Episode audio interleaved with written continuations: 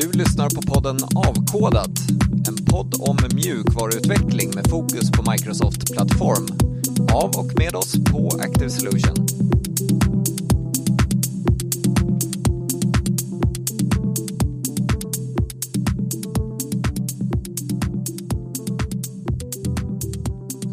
Så varmt välkomna till ytterligare ett avsnitt av Avkodat. Och eh, det var verkligen länge sedan som vi satt här, eller någon annanstans för den delen. Vi har ju Chris, du är med eh, remote och sitter någon annanstans. Men eh, vi har haft så fasansfullt mycket att göra skulle jag vilja säga eh, allihopa utav oss. Så vi har helt enkelt inte fått ihop en inspelning.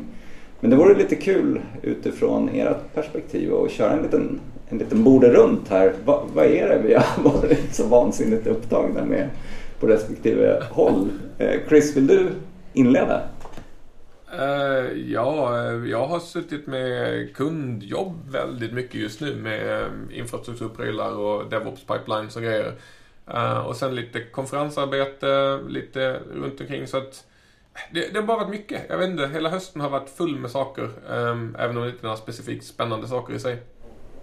Mm. Jakob, vad var du? Ja, lite samma här.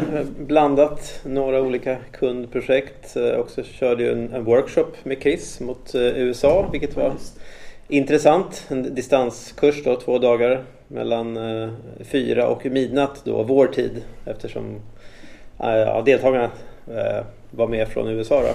Men eh, tyckte ändå att det blev faktiskt ganska lyckat.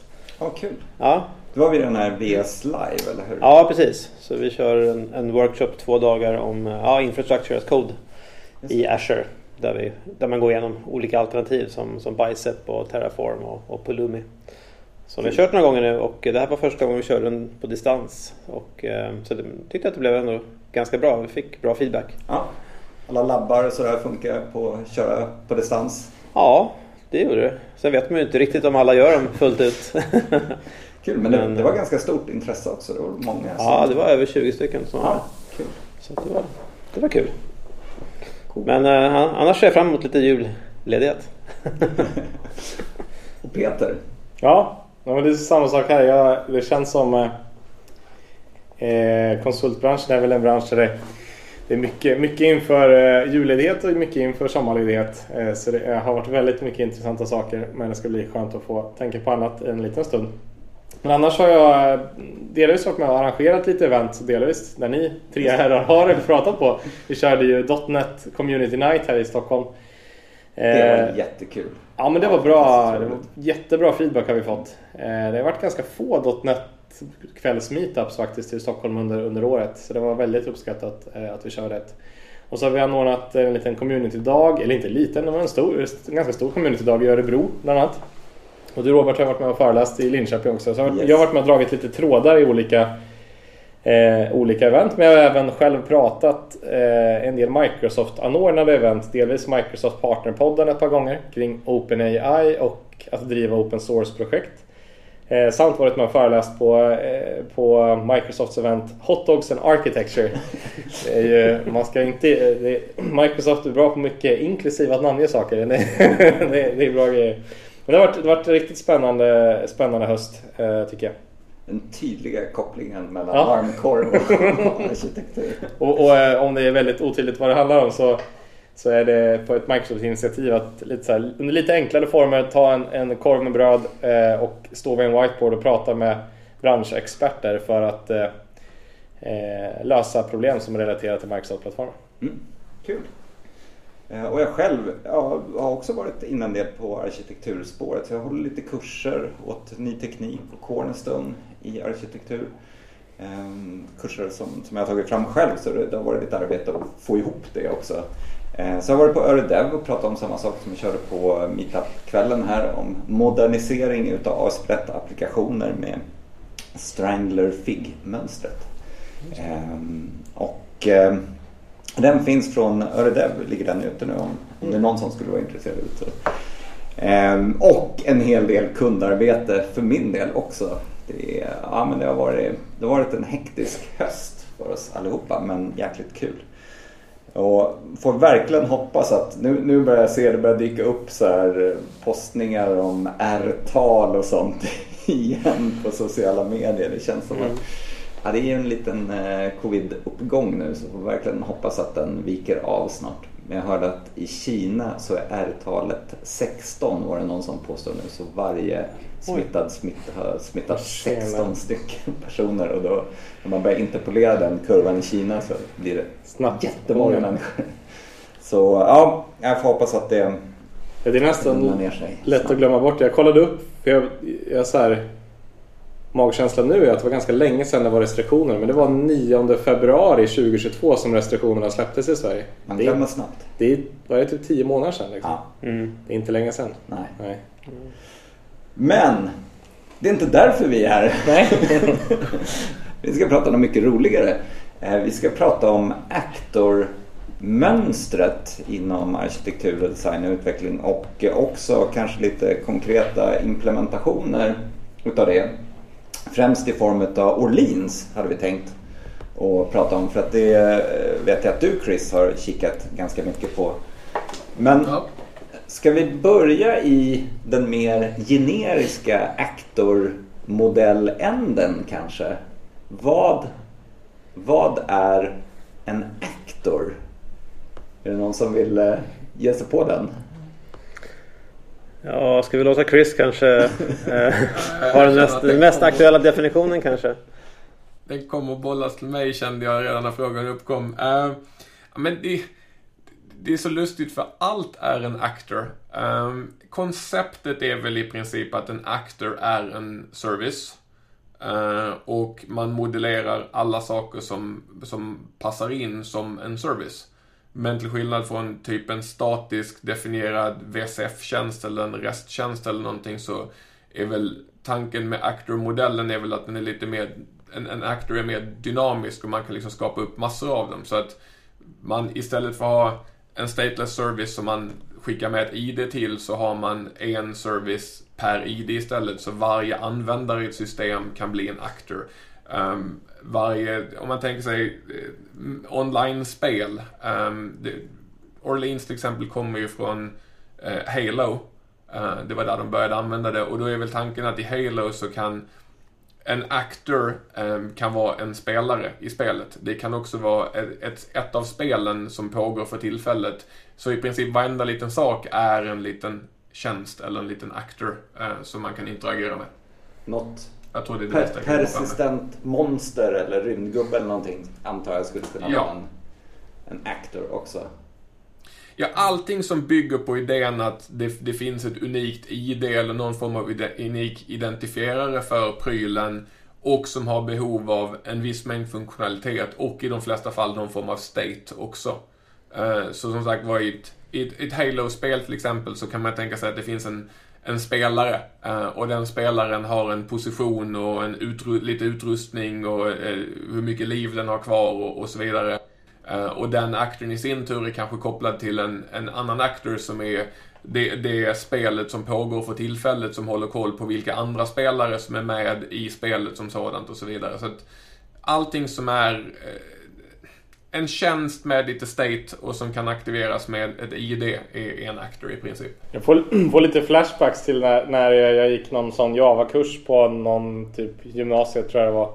Och just man byggde, eller vi fick bygga som ett litet spel liksom för att träna på objektorienterad programmering. Och då kändes det precis som det där att du, du var en lit, alltså varje klass höll sitt eget state och du, varje player liksom. Men det här blir ju då nästan alltså steget vidare att du, du kan distribuera den här i ett kluster och du är, inte, du är inte- du är inte beroende av att en klass har sitt state på en maskin. Om jag fattar det rätt liksom. Precis. Det är ju, det är ju objektorientering fast distribuerat. Uh, och jag brukar dra liknelsen uh, en distribuerad IOC-container. Uh, eh, de flesta av oss som jobbar med .NET har ju blivit vana vid konceptet av en IOC-container för att eh, .NET och ASP.NET Core har en IOC-container där man registrerar sina servicer redan idag och vi liksom gör det överallt. Men problemet med en IOC-container i ASP.NET i dagsläget är ju att den är per server. Så samma ögonblick som man behöver ha någonting som är liksom distribuerat, man, man skalar ut sin tjänst, så behöver man alltid plocka in en Redis cache eller plocka in en SQL server eller någonting som kan ha hand om state. Medan idén med Orleans till exempel är att man då säger att det, är, det finns en IOC-container men den spänner över flera instanser. Så att man kan be om en tjänst från IOC-containern och sen så spelar det ingen roll om den finns på din lokala server eller om den finns på en annan server i klustret. Det bara magiskt funkar. Okej, okay, men om man backar bandet lite grann. För nu pratar du om Orleans och det har kommit, vad yes. jag har förstått, en, en ny version eh, med senaste .NET. Eh, det kommer en ny version i .NET i och med .NET 7 va? Var det så? Yes. Men, från, från ja. version 3 till eh, version 4 CTP och sen så till version 7. För Just. versionshantering är svårt. ja men det, det har vi ägnat många avkodat åt att försöka reda ut. Men, men jag tänkte på själva mönstret i sig är ju ganska gammalt och eh, antalet implementationer hos Microsoft är ungefär som versionshanteringen utav olika delar utav .NET också. Det, det har funnits en hel del tidigare, eller hur? Ja, de har ju så, ja, det, huvudsakligen är det väl två. Det är ju Orleans och sen så är ju um, Service Fabric har ju också en Actor-modell. Uh, ja, sen så finns ju Dapper kör väl en Service Fabric, eller en, en Actor-lösning också. Uh, som väl mm. inte är speciellt uppskattad hos många människor. Mm. Och ja, Vi kan återkomma till den, men jag tänkte sen går ju det här utanför eh, Microsoft-världen också naturligtvis. Det var väl väldigt länge sedan man, man beskrev det här mönstret. Eh, och det har ju funnits ett ramverk som har varit väldigt framgångsrikt tidigare som vi har använt, använt oss av också som, som inte är Microsoft-tillverkat som heter Akka. Ja. Eh, och det är väl eh, kanske det som har varit mest populärt utanför Microsoft men i .NET-världen tidigare skulle jag vilja hävda. Ja. Ja, eller, eller så vi använder väl Akka.net då antar jag. Vilket ja, i sig är, det är väl en port av, av liksom Akka som väl är Java-baserad tror jag. Just det, så ja, är det till och med. Ja. Och den är väl gissningsvis betydligt större än Akka.net. Ja. Ja, Akka är ju jättestort. Uh, och, och en, en, som sagt var, Akka.net är ju en port av det till .NET-plattformen. Det är också en lite mer eh, korrekt äh, Actor-implementation än, än, um, ehm, än Orleans om man ska vara helt ärlig eftersom en av sakerna med Actor-modellen är också att all kommunikation med en Actor sker via messaging. Så man skickar meddelande fram och tillbaka och där märker man ju att Akka har ju tagit den, den, det konceptet. Man skapar ett meddelande, man skickar ett meddelande, ens actor tar emot ett meddelande och agerar på meddelandet. Medan Orleans är en lite nyare, modernare tolkning av det där de har plockat bort, eller egentligen abstraherat bort meddelandehanteringen och bygger på en, en proxy-baserad lösning med interface istället, så man behöver inte bry sig så mycket om, om meddelandedelen. Men Akka och Akka.net är ju jätte, framförallt Akka är jättestort på, på många områden utanför Microsoft-världen. Mm. Och så, så då, man har inte liksom explicit det här meddelandebaserade sättet att utbyta eh, data med, med de här actorsarna. Utan det är interfacebaserat och sen så sköter Orleans implementationen som jag har förstått en väldigt eh, högprestanda optimerad eh, eh kommunikation. Som, ja, precis. Så, som är ganska hemlig egentligen. Hur, inte hemlig kanske, men för, för en som användare kanske man inte förstår så mycket av vad som, hur det där serialiseras och skickas på. Men man måste ha portar öppnade, så mycket har jag förstått precis. Det, precis det, det, jag tycker ju det är en anledning att jag tycker att Orleans är så trevligt jämfört med till exempel Akka.net. Är att meddelandedelen är borta helt och hållet. Det är bara två portar, som du säger. Det är port 30 000 och eh, 11 111 som standard. Där 30 000 är för kommunikation utanför klustret in mot eh, Orleans-klustret, vilket man ofta vill undvika. Utan man kör kommunikation innanför klustret och inom klustret så pratar noderna med varandra på 11 111. Eh, så det är bara två portar som behövs och sen är man klar och sen det finns ingenting när man programmerar mot Orleans heller som visar upp liksom nätverksdiskussion eller kommunikation eller liknande saker. Och det finns inga meddelanden utan man ärver från en basklass om man vill alternativt implementerar ett, ett speciellt interface och sen så finns det kodgenerering inbyggt i eh, NuGet-paketen. Så när man bygger sitt projekt så genereras all den proxykoden som behövs för att få det till att funka bara on the fly och så magiskt fungerar det typ. Det, det, jag som har varit med om några iterationer med olika typer av ramverk som kommunicerar med varandra med automatgenererad kod. det ja. känns, känns som jag vet var det här är på väg någonstans. Eh, är det så ändå att det här bara funkar? Du, du som har använt det här lite grann. Man får liksom inget pirr i kroppen när man hör det där. Nej, alltså här, jag, jag håller ju fullständigt med. Hela den här liksom, ja men det bara funkar eller det magiskt genereras någonting eller någonting känns jätteläskigt. Jag håller fullständigt med. Eh, än så länge så tycker jag faktiskt att det, det har faktiskt bara fungerat. Eh, det är det är inte jättekomplext när, liksom, det de, de gör heller. Det är klart att det är komplicerade nätverkskommunikationen och det är peer-to-peer kommunikation och grejer men jag kan väl bara konstatera att när Microsoft Research bygger någonting så tenderar de som är involverade att vara, vara smartare än vad jag är. Så att jag litar på det de har byggt och än så länge så har faktiskt för mig allting bara fortsatt att funka. Um, så förhoppningen är väl att det gör det i framtiden också. Och det är ju battle-tested. Alltså, Orleans släpptes i sin första version 2011. Gick open source 2015 och vi är nu på slutet av 2022 och de har kört massor av stora projekt på plattformen så att det är ingenting så här. Det är, inte, det är inte något nyskapat litet open source-projekt som någon har kommit igång med någon asball pryl utan det har legacy lång tid tillbaka för stora komplicerade system också. Mm. Jag tänker också att just med automatgenererade koden här också att här blir det väl eh, så att säga, det, eh, det, finns inget behov eller om man tänker till VCF till exempel där fanns det ändå ett behov av att på något sätt Eh, kunna kommunicera utanför den sfären. Så det behövde både vara, det var både komplext men behövde kunna vara öppet definierat och någon slags standard och alltihopa.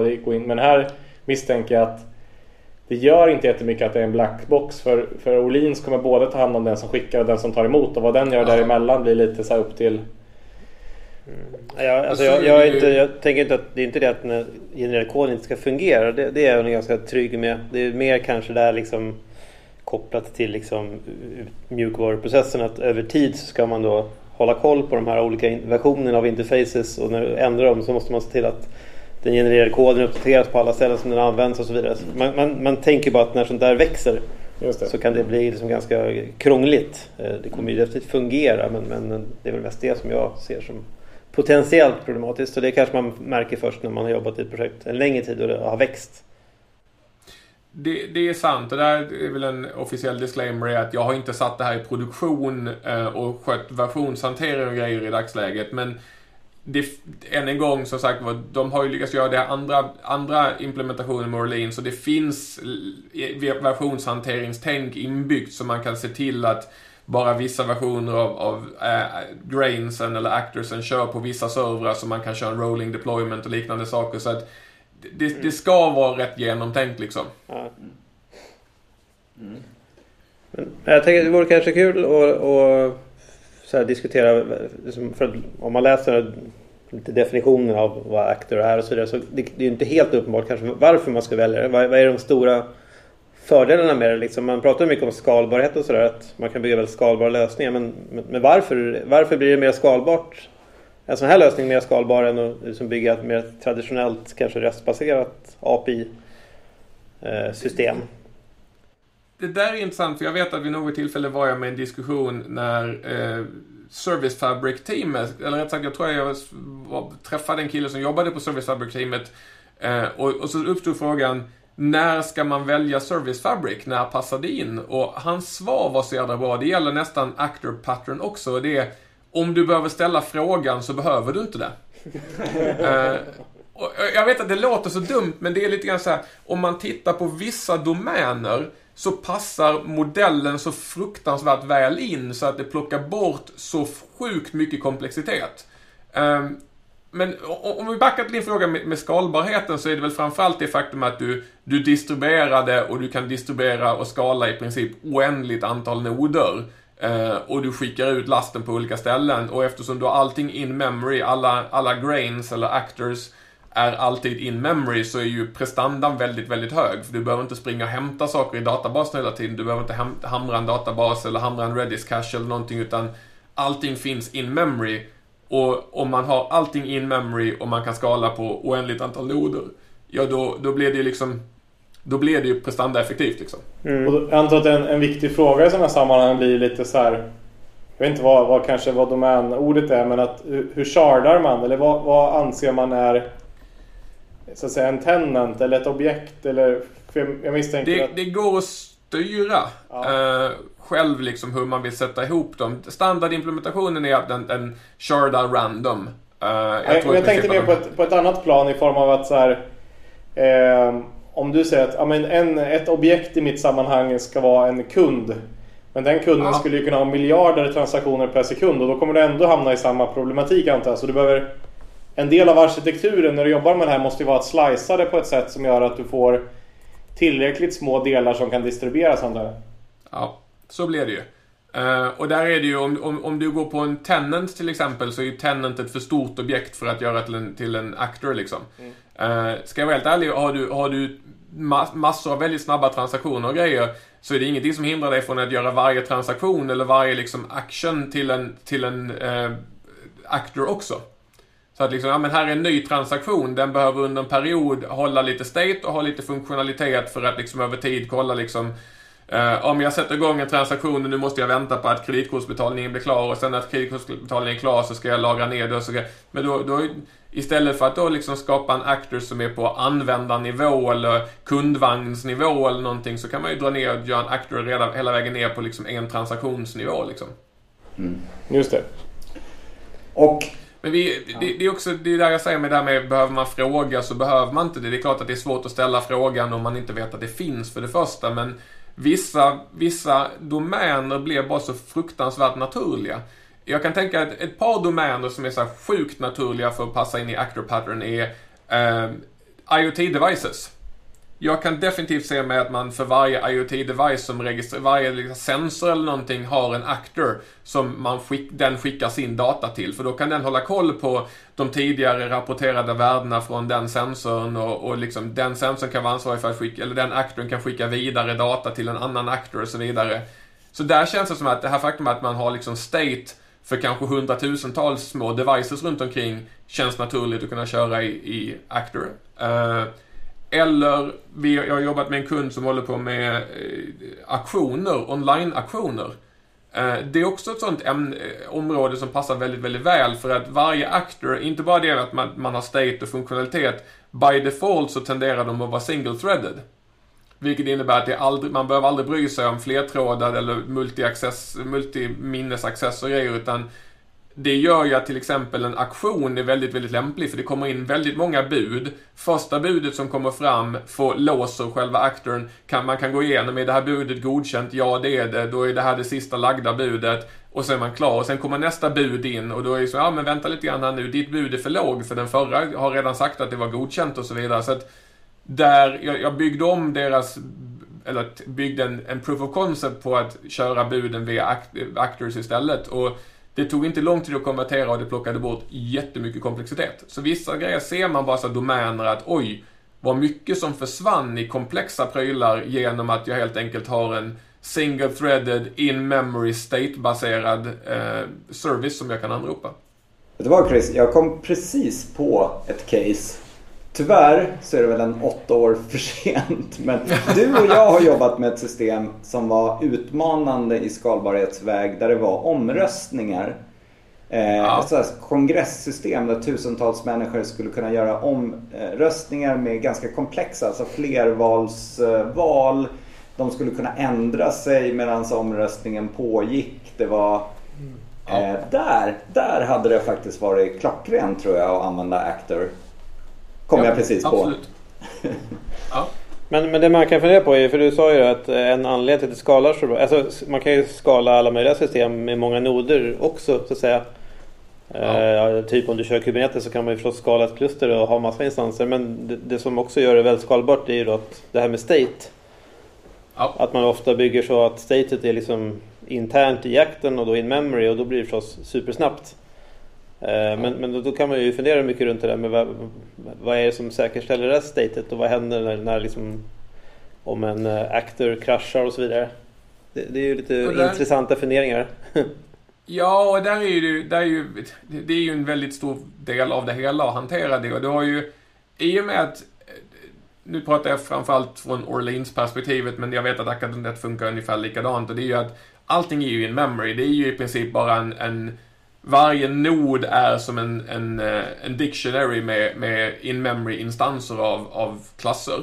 Eh, vilket innebär att de kan ha eget state genom att bara ha variabler internt. Men som du säger att du, du kommer ju tyvärr ha den här situationen att du kommer ha noder som går ner eller du ska göra uppdateringar eller eh, du kommer ha garbage collectorn bestämmer sig för att den behöver mer minne så den kommer kasta ut några saker. Men då, då finns det i bland annat Orleans så finns det inbyggd state-hantering som man kan väldigt lätt plugga in i och helt enkelt säga att när, när jag har gjort en förändring på mitt state, var vänlig skriv ner den och varje gång det läses upp en, en actor med ett speciellt ID så kan den få, få med sig det statet in också så att när jag ber om Actor X så kommer Actor X nyas upp en ny instans och statet från förra gången som den var in memory läses in per automatik också.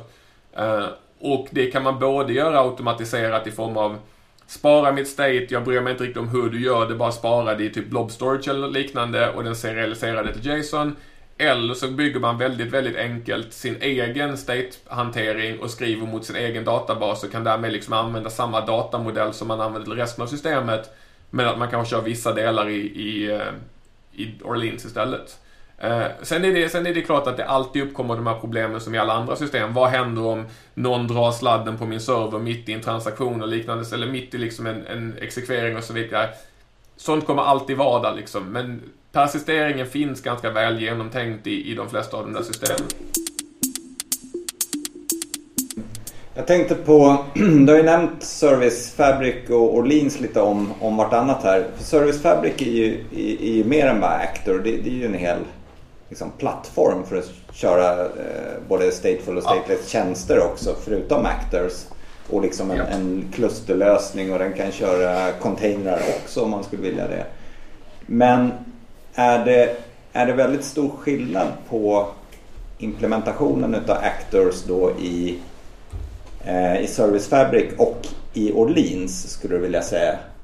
Jag har, jag har jobbat lite med Service Fabric, eh, men det är rätt stor skillnad i liksom rent praktiskt hur det funkar och framförallt med Orleans version 7.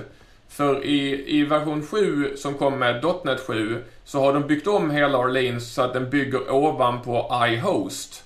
Så alla, alla .NET Core-applikationer, typ ASP.NET Core och liknande, har ju en, en, konceptet av en host. Så man kör så här webhostbuilder.createDefault till exempel om man kör en .NET Core-applikation. Eh, det man gör med, med Orleans, till skillnad från, från Service Fabric där man köper tjänsten av Microsoft och de ordnar och donar och de hostar och allting. Med Orleans så pluggar man helt enkelt bara in i sin host. Så om man sätter upp en ASP.NET Core-applikation till exempel, så som en del av den här hosten så kan man bara skriva använd Orleans. Eh, och sen så, skap, så blir ens, ens applikation en Orleans-nod också. Och när man skalar ut sin Asplet Core-applikation, ja då kommer man skala ut sitt kluster också. Eh, så att det finns en stor skillnad i, i jag tror att det är så stor skillnad i att skriva själva koden som sådan. Jag, jag tror att det är lite lättare i Orleans än i, i Service Fabric, men det är en jätteskillnad i hostingmodellen i form av att Service Fabric är en tjänst man köper där de sköter mycket av hostingdelarna Medan Orleans, ja men där hostar vi den själva och vi kan hosta den i, i vilken .NET Core-applikation som helst som kan sätta igång en host av något slag. Jag har hostat .NET Core i VPF-applikationer, konsolapplikationer, ASP.NET Core-applikationer, all over the place. Och det funkar alldeles utmärkt. Så länge de här olika, också... olika instanserna kan kommunicera med varandra så, så funkar det ju. Så att, men men ja. app-service så är det väl så att eh, du måste koppla den till ett VNät för att öppna upp portarna. Men sen efter det kommer ju då liksom skala ut antal instanser med appservicen. Då får du automatiskt utskalning av ditt, ditt så att säga kluster också. Ja. ja. Och behöver du mer kluster än, mer, fler noder än du har webbappar till exempel. Säg att du vill inte skala ut du behöver 100 noder till ditt Orleans-kluster men du behöver kanske bara 10 noder till din, till din webbserver.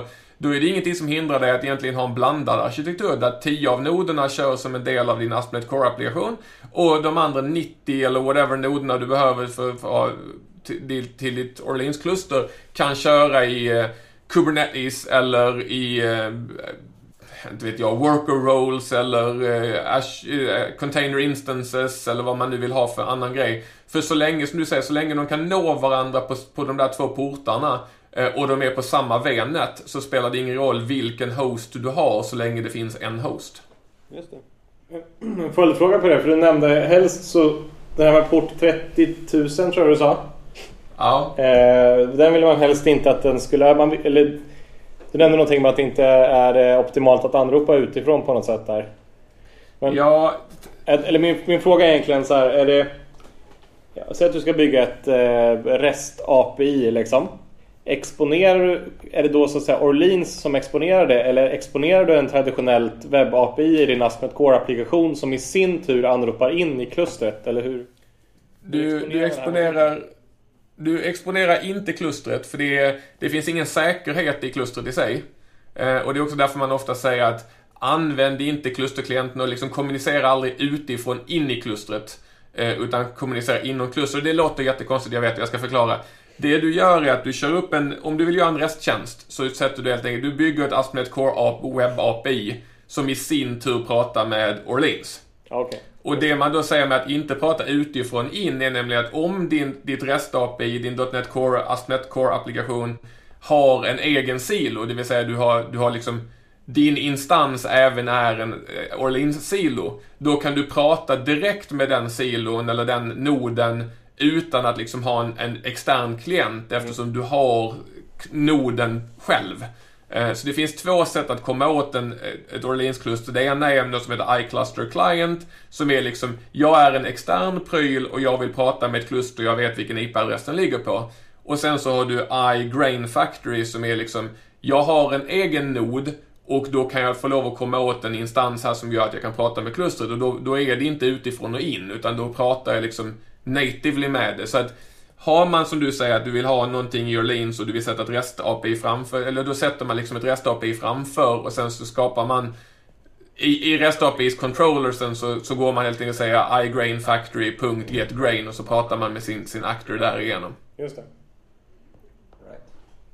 Och det är till och med tal om, vet jag, jag pratade med några på Microsoft om det, de, de det kommer nog att komma implementationer av iDistributed Cache och eh, iSession eller vad den iSession Service eller någonting för ASP.NET Core eh, för Orleans. Så det innebär att istället för att behöva spinna upp en, en uh, Redis cache eller någonting varje gång man ska ha lite, lite caching-möjligheter så kan man helt enkelt bara säga men jag kör Orleans för min caching.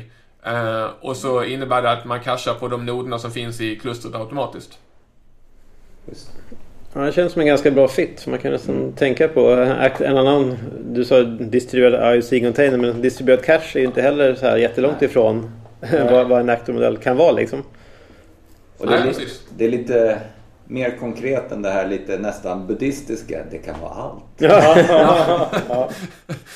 ja men så är det. Jag, jag gillar den idén jättehårt och framförallt så blir det också det jag, jag kan ju säga att jag i väldigt många situationer i framtiden kommer slänga in Orleans egentligen inte så mycket för varken högprestanda eller för, för liksom mycket av det andra prylarna man pratar om. Åh, oh, jag vill ha actors och det ena med det andra. Utan mer bara för att slippa caching-problematik. Mm. Ja, men liksom jag, jag, jag har två tjänster, det hade varit jättebra, eller en tjänst här, det hade varit jättebra om jag kunde casha i den, men åh, det är så struligt att casha för att då måste jag se till att invalidera när den uppdateras och det ena med det andra. Ja, men kör man den som Orleans så är man klar, så är det inget problem.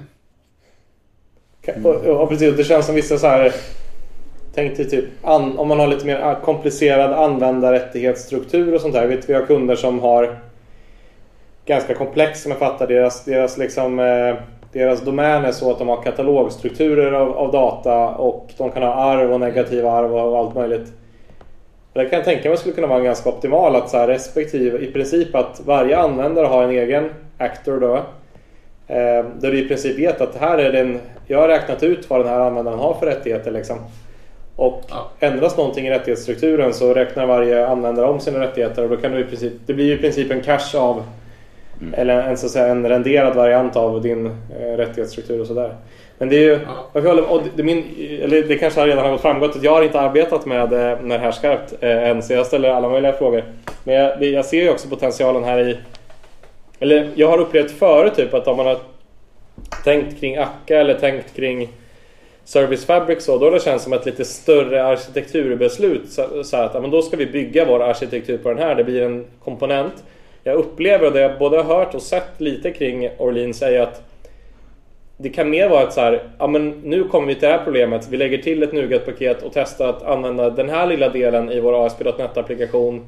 Vi behöver inte tänka, vi behöver inte sätta upp något kluster på så sätt. Alltså det ska ju vara ett medvetet beslut men det är, inte, det är inte lika stort som många av de andra produkterna upplever jag. Nej, det är ju inte som i Akka.net där du har en Håkon-fil som spesar upp hur nätverket är uppsatt, liksom hur noderna kommunicerar med varandra och du ska ha specifika noder för det och det ena med det andra. Utan det är så att säga, det är mycket, mycket lättare i en- Asmet Core-applikation att bara skriva dot use Orleans och så är man klar.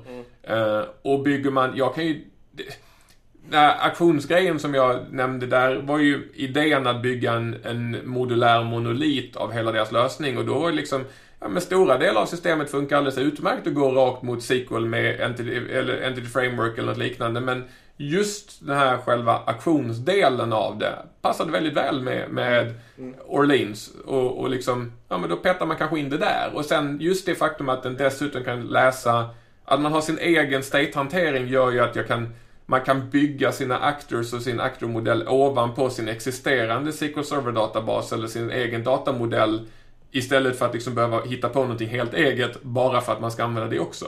Så det blir liksom ett extra tillskott som man kan slänga in på olika ställen där man känner att oj, här, men här passar det lite grann. Då använder vi lite actors här och så är man klar.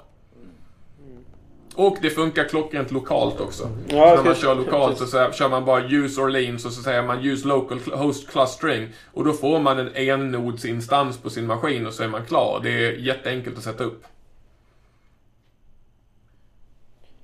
Ja, jag tänkte på en sak som jag blev lite förvirrad utav. Det var att när jag, jag kollade på Dapper som jag gillar eh, för att den hanterar sånt som är svårt i microservices-världen som serviceupptäckande och hålla koll på kommunikation och kunna byta ut eh, storage mellan eh, olika miljöer och massa sånt trevligt. Men så upptäckte jag att den hade, den hade också en actor implementation. Ja.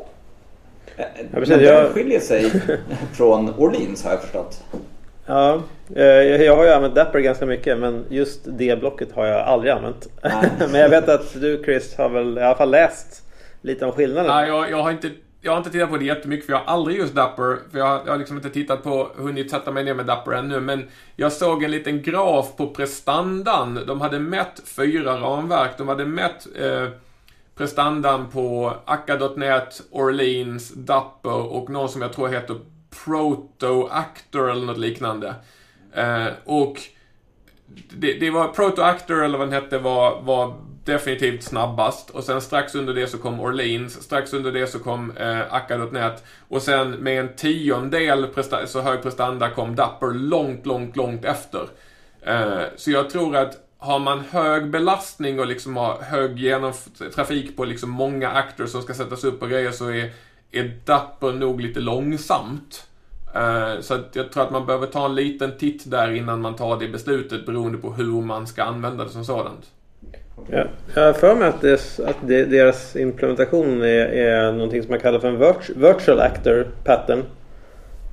Du menar i, i Dapper eller i Ja. Orleans? Ja, jag tror att båda två har den idén och det, enda det egentligen betyder är att i standard actor model så säger man att ja, men man går liksom och säger jag ska ha en actor, den ska vara här och jag ska ha en actor, den ska vara där. Medan en virt- virtual actor model är i princip att man säger bara till någonting att jag vill ha en actor, sen räknar den själv ut var den ska läggas någonstans och skapar upp den dynamiskt och bara ger dig en instans. Så det, det finns ingen skillnad i Orleans eller Dapper tror jag, eh, på att säga get eller create. Utan man säger bara ge mig en actor. Finns det en actor, då får jag en instans eller en referens till den instansen. Finns det ingen, ja då nyar den upp en åt mig automatiskt. Eh, vilket är det de kallar en, en virtual actor model. Okej. Okay. Ja, jag fuskar lite och googlar här vid sidan om men det är både, enligt Dappers dokumentation så är Dappers Actors baserad på Service Fabric Reliable Actors vilket också var grunden till Orleans vad jag fattar. Okay. Eller nej, ja. nej förlåt, snarare tvärtom att Orleans gav grunden till Service Fabric Reliable Actors som i sin tur då blev... Men jag, jag tolkar också som att eh, eh, vad man kallar för alltså eh, eller Orleans är nog lite mer opinionated i så fall. Det är skrivet för C-sharp och funkar och löser det, det specifika problemet. Medan Dapper är ju mer... Dapper bygger vi grunden på HTTP och ska kunna stödja vad som helst och alltihopa. Liksom, ja, det skulle kunna köras på andra plattformar också. Ja, exakt. Eller precis som gRPC eller HTTP. Ja, just det. det Dapper stöder för ja. kommunikation. Men att det kan bli lite...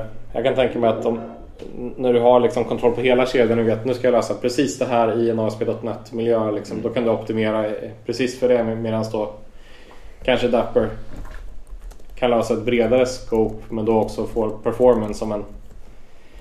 Som en... Eh... Och, och, det är ju kanske fine i många fall liksom. Det spelar kanske ingen roll att det är inte kan sätta upp 100 000 actors på två sekunder liksom.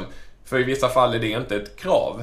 Eh, och då är, då är det ju definitivt en, en vettig lösning. Men som sagt man bör ha det i åtanke att beroende på scenario så bör man kanske välja det ena över det andra. Mm. Nej, och det är väl det att Dapper är väl inte, ska, ska väl vara liksom språkoberoende mm. även, inte bara plattformsoberoende. Mm. Så mm. det är inte knutet till någon implementation. Och då har de väl kanske svårare att göra all den där magin Just som, som sker i Orleans. Nej.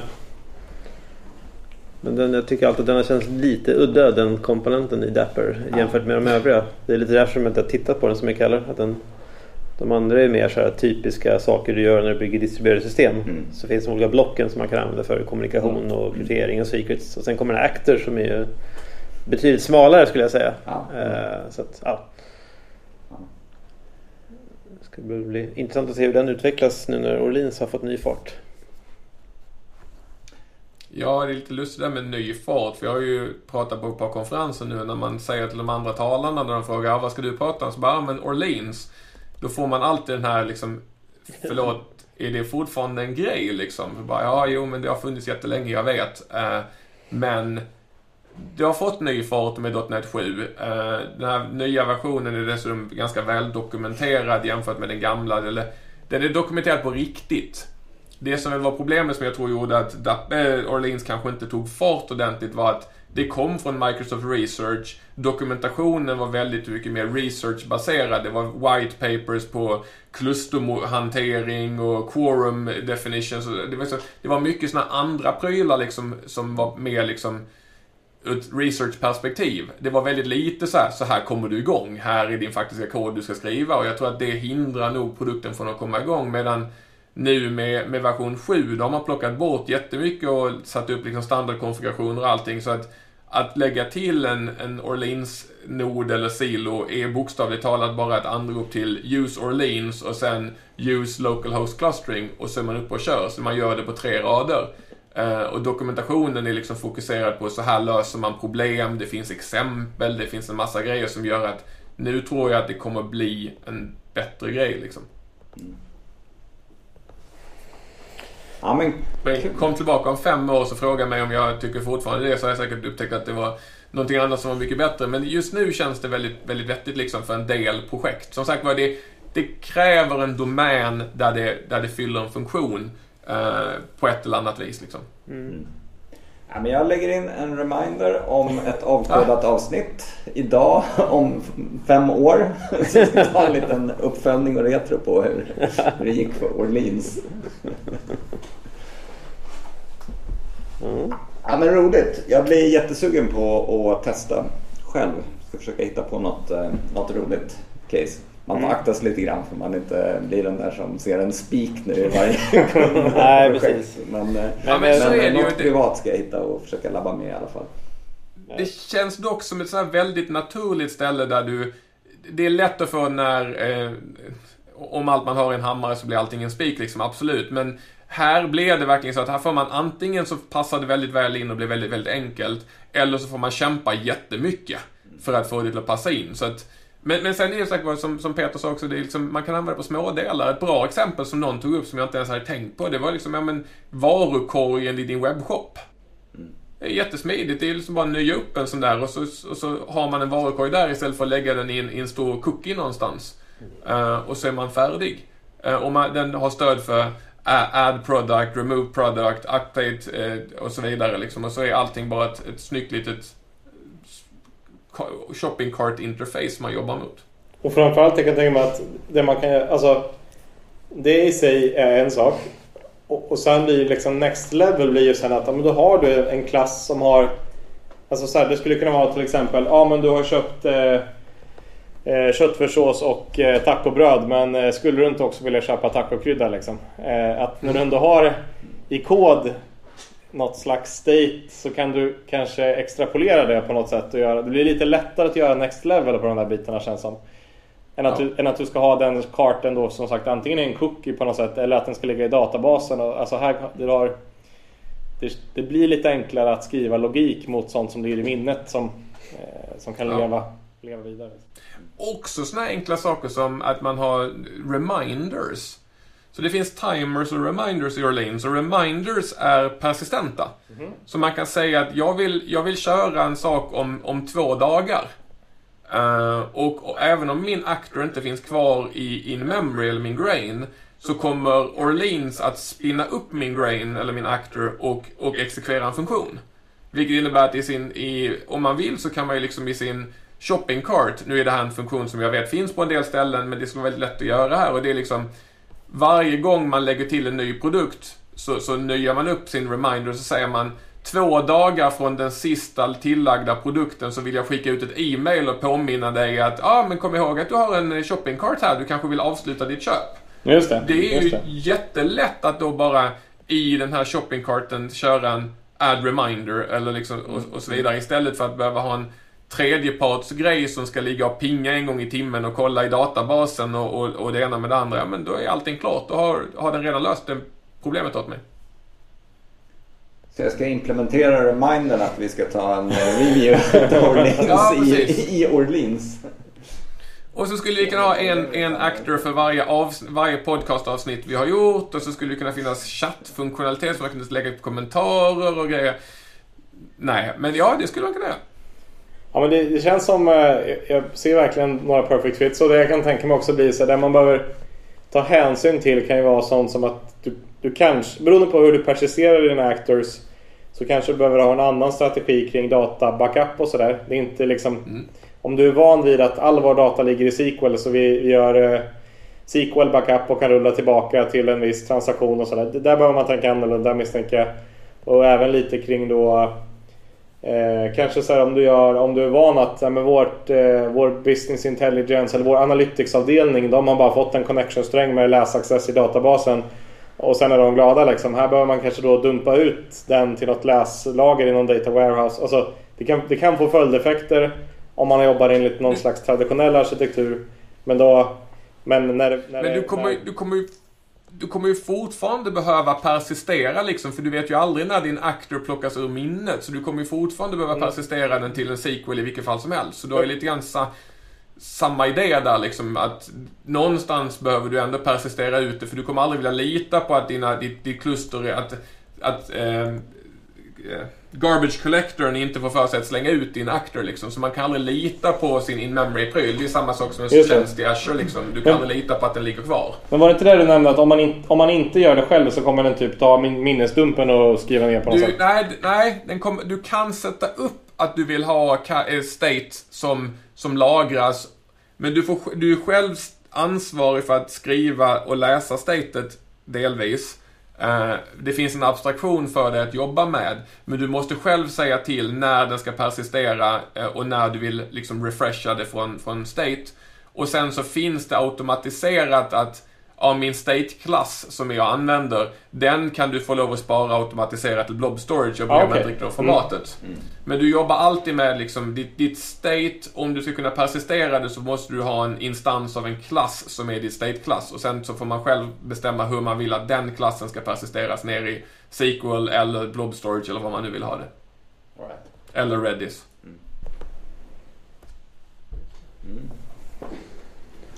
Intressant. Vi- Visst är det så att eh, du har en demo som du har lagt ut på GitHub, eller hur? Eh, det har jag nog, ja. Just det. Eh, ja, det, den som jag demar på min presentation som jag kör på konferenser, eh, finns, den koden finns på min GitHub. Den kan, kanske är svår att förstå bara att ta hem sådär och titta på. Men, men det är du som springer runt. Det är lite olika versioner utav Chris som springer i Hammarby sjöstad, eller hur? Som den plottar ut på en karta. Ja, precis. Och varje sån eh, har- springande Chris är en, en actor. Ja, precis. Jag har, jag har byggt en liten simulator som, som skickar upp GPS-koordinater och det lättaste sättet att hitta GPS-koordinater var att ta från min Garmin-klocka från när jag varit ute och sprungit. um, den, de skickas till ett Orleans-kluster eh, och så kan man skriva ut och se liksom vad som händer i det och sen så finns det även i det projektet en liten VPF-klient som använder någonting som heter eh, en en iObserver där man liksom kan observera från utsidan, liksom säga till Orleans att jag vill, jag vill veta när den här grainen har förändrats, eller rättare sagt man, man registrerar sig själv i grainen och säger att jag vill veta när det sker förändringar. Och då kan man få en liten VPF-klient som ritar på en karta när jag är ute och springer runt i Hammarby sjöstad. Eh, Men all den koden finns på GitHub precis om man vill ta en titt på. Det finns, det finns också jättemånga demos på via Orleans egen webbsida. Enda grejen med dem är att de är väldigt kära i eh, att, att ha grain till grain kommunikation eller actor till actor. Så de bygger liksom spel där actorsen tävlar mot varandra.